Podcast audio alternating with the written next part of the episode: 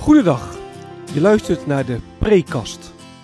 Een podcast over de preek die ik afgelopen zondag gehouden heb in de Maranatenkerk in Bunschoten, Spakenburg. Fijn dat je luistert. Mijn naam is Gertjan van Harten. Wat kun je verwachten van deze podcast?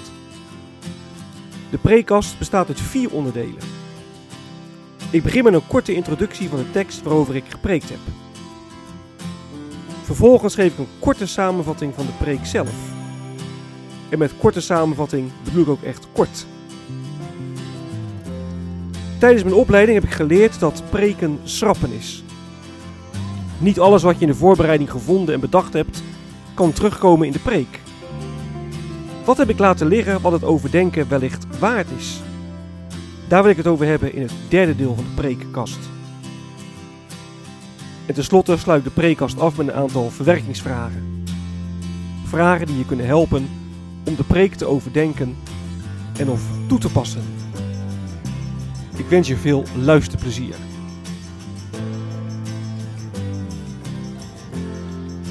De tekst.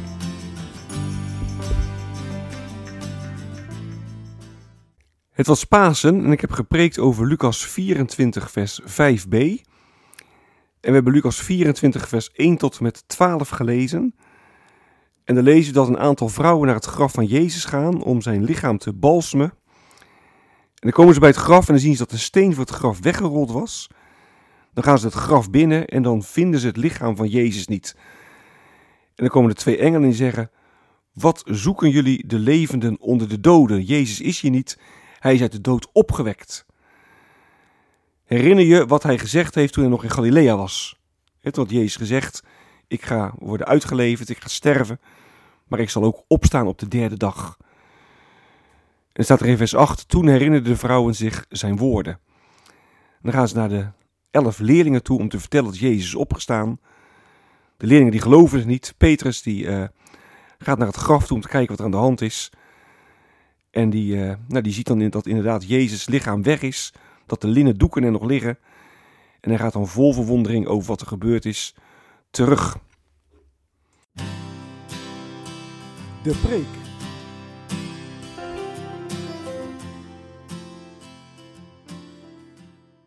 Waar zoek je het? Dat was het thema van de preek. Een groepje vrouwen is vroeg in de ochtend naar Jezus graf gegaan. En ze willen het lichaam van Jezus balsemen. De vrouwen zijn verdrietig en teleurgesteld. Ze hadden heel veel van Jezus verwacht. En Jezus zou ervoor zorgen dat er een nieuwe tijd zou aanbreken over Israël. Maar hoe anders was het gelopen? Jezus was gedood en zijn lichaam was begraven. Alle hoop was vervlogen. Hoe moest het nu verder?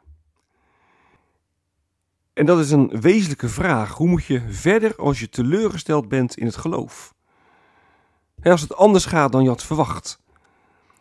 Als je bijvoorbeeld geen genezing krijgt bij ziekte, terwijl je er wel om gebeden hebt. Of als je huwelijk op de klippen loopt. Nou, je kunt dan verbitterd raken. Je kunt ook afstand nemen van God en het geloof laten voor wat het is. En dan ga je voor andere dingen leven, voor je werk of voor je gezin, of voor je hobby of voor je vakanties. En dan ga je proberen het, het maximale uit het leven te halen. En eerlijk is eerlijk, dan kun je schijnbaar echt een heel mooi leven leiden. Maar dan leef je wel los van God. En dat wil de Heer niet.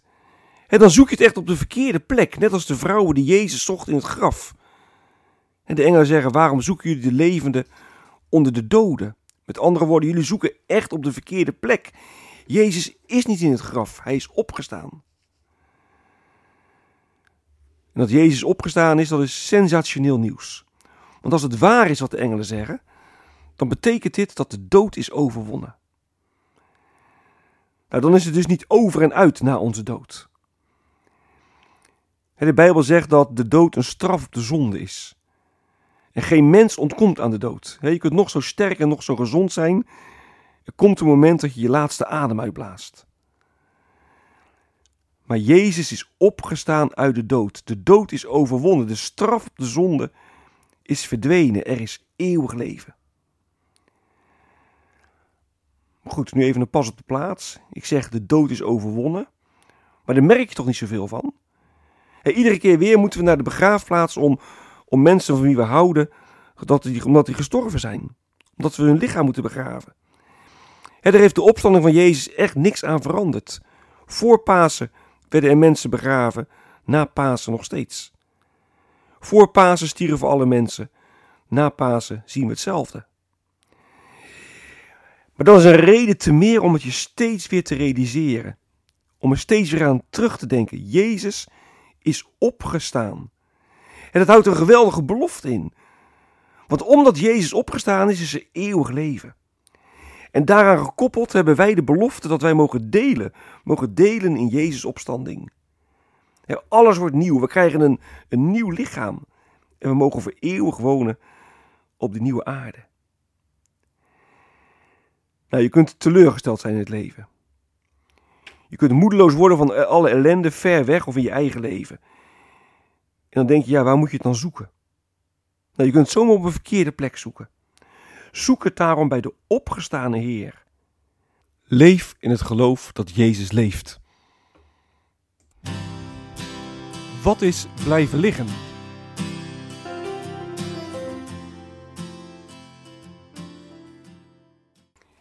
Ik heb me in de preek vooral geconcentreerd op het slot van vers 5. Hè, dat als de engelen zeggen, waarom zoekt u de levende? Ik heb in de preek vooral geconcentreerd op het slot van vers 5. Hè, waarom zoekt u de levende onder de doden? Maar je kunt ook eh, heel goed een aantal andere invalshoeken nemen als je preekt over Lucas 24, vers 1 tot en met 12. Hè, er worden uh, de vrouwen genoemd, hè, hun naam wordt ook genoemd in vers 10. Het is een aantal namen. Staat er, uh, de vrouwen die het graf bezochten waren Maria uit Magdala, Johanna, Maria de moeder van Jacobus en nog enkele andere vrouwen. En uh, Maria van Magdala, die kennen we vanuit de Bijbel. De Heer Jezus had bij haar een aantal demonen uitgedreven. Kun je lezen in Lucas 8, vers 2. En Johanna, daar kun je ook over lezen in uh, Lucas 8, vers 3. Dat was de vrouw van de minister van Financiën van, van Herodes. Dat was een, een hooggeplaatste vrouw. En Maria, de moeder van Jacobus, wordt genoemd. Nou, niet helemaal duidelijk wie, wie zij was. Uh, er wordt wel gezegd dat het tante van Jezus was. Nou, dat is niet helemaal duidelijk. Maar duidelijk is wel dat in ieder geval drie onafhankelijke getuigen waren. Nou, vrouwen die uh, vormden in die tijd geen betrouwbaar getuigenis. Als een vrouw getuigenis gaf, werd er weinig waarde aan gehecht. Je ziet het ook bij de leerlingen, die vinden het maar kletspraat wat de vrouwen zeggen. Maar het is natuurlijk heel opvallend dat juist vrouwen de eerste getuigen waren van de opstanding van Jezus. Zij krijgen het als eerste te horen. En Lucas die hecht uh, dus wel degelijk waarde aan hun getuigenis. En dan kun je ook verder over nadenken wat dit betekent, nou ook voor de positie van de vrouw in de kerk. Het tweede waar ik nu aandacht voor vraag is voor vers 6. Dan lees je dat de engelen tegen de vrouwen zeggen: Jezus is niet hier, hij is uit de dood opgewekt. In een aantal commentaren staat dat Lucas echt heel bewust het woord opgewekt gebruikt. Opgewekt, daarmee geeft hij aan, God heeft het gedaan, God heeft ingegrepen. Het is echt een goddelijke actie. opgewekt worden is iets anders dan, dan opstaan. Even heel gek gezegd, opstaan doe je zelf. Opgewekt, dat doet een ander voor je. Nou, ik zal er even over na te denken of dat nou echt een bijzondere betekenis heeft dat Lucas het woord opgewekt gebruikt. Matthäus uh, die, uh, die, die zegt dat de engel zei tegen de vrouwen, hij is opgestaan. Dus die gebruikt een ander woord. En toen ik dat in die commentaren zo las van, hè, de Lucas gebruikt echt heel bewust het woord opgewekt. Toen dacht ik, ja, moet je daar niet te veel, zoek je daar niet te veel achter? Nou, ik heb in het kader van deze preek ook verder geen aandacht aan besteed. Maar uh, ook dat is natuurlijk iets waar je wel over na kunt denken. Gebruikt Lucas nu echt heel bewust het woord opgewekt? Of had hij ook heel gewoon hier opgestaan kunnen gebruiken? En het laatste waar je natuurlijk ook uh, aandacht aan kunt besteden bij Lucas 24, vers 1 tot 12, is de rol van de, van de leerlingen. Als de vrouwen bij de leerlingen komen, staat er in vers 11, uh, en vertellen wat er gebeurd is, zeggen de apostelen, maar die vonden het maar kletspraat en geloofden hen niet. En ze konden gewoon niet geloven wat de vrouwen zeiden. Het is ook zo, zo onlogisch, hè, zo irrationeel dat, dat, dat Jezus opgestaan is uit de dood. En ik las ergens in een van de, van, van, van de commentaren dat uh, de leerlingen, de eerste sceptici waren als het gaat om de opstanding van, van Jezus Christus. Ik vond het, ja, vond het wel mooi. Kijk, aan de ene kant is het heel erg hè, dat, ze, dat ze niet geloofden. Want uh, ze hadden kennelijk het onderwijs van Jezus niet goed, niet, niet goed naar het onderwijs van Jezus geluisterd. Ze hadden het niet begrepen. Maar het zit, er is ook wel iets bemoedigends in. Als zelfs de leerlingen ermee worstelen. Dan is het ook niet zo heel gek dat, nou, dat ik het wel moeilijk vind om er aan over te geven. En dan moet je niet te snel van schrikken. Je vindt je wat dat betreft uh, ja, in, in goed gezelschap. En tegelijk hoop ik natuurlijk ook dat je, dat je daar niet in blijft hangen, maar dat je ook ja, je kunt overgeven ook aan het getuigenis van de apostelen dat Jezus echt opgestaan is uit de dood. Verwerkingsvragen.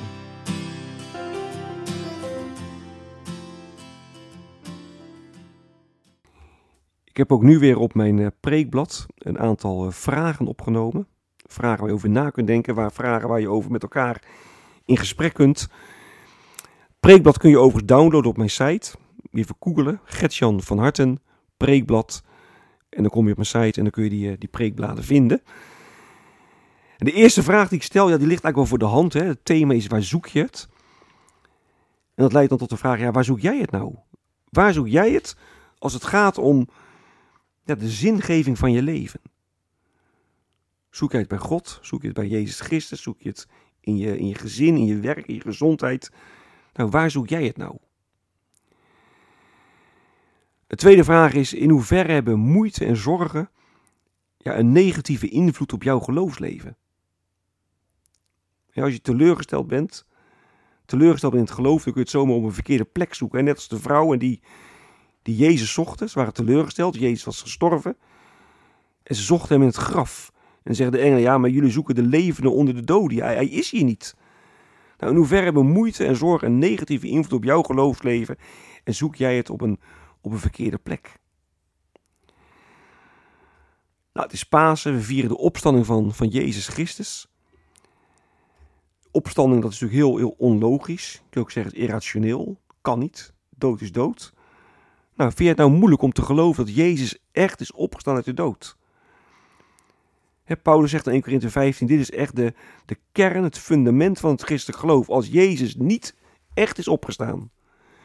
Als Jezus het graf niet verlaten heeft, dan kunnen we wel, uh, ja, wel stoppen met de kerk.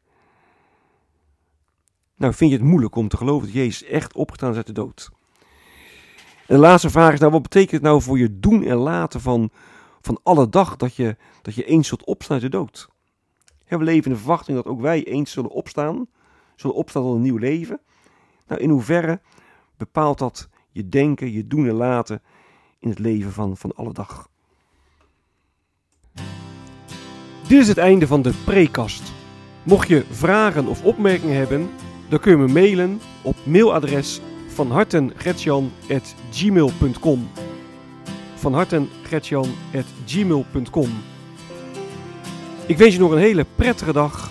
Hartelijk dank voor het luisteren en wie weet, tot een volgende keer.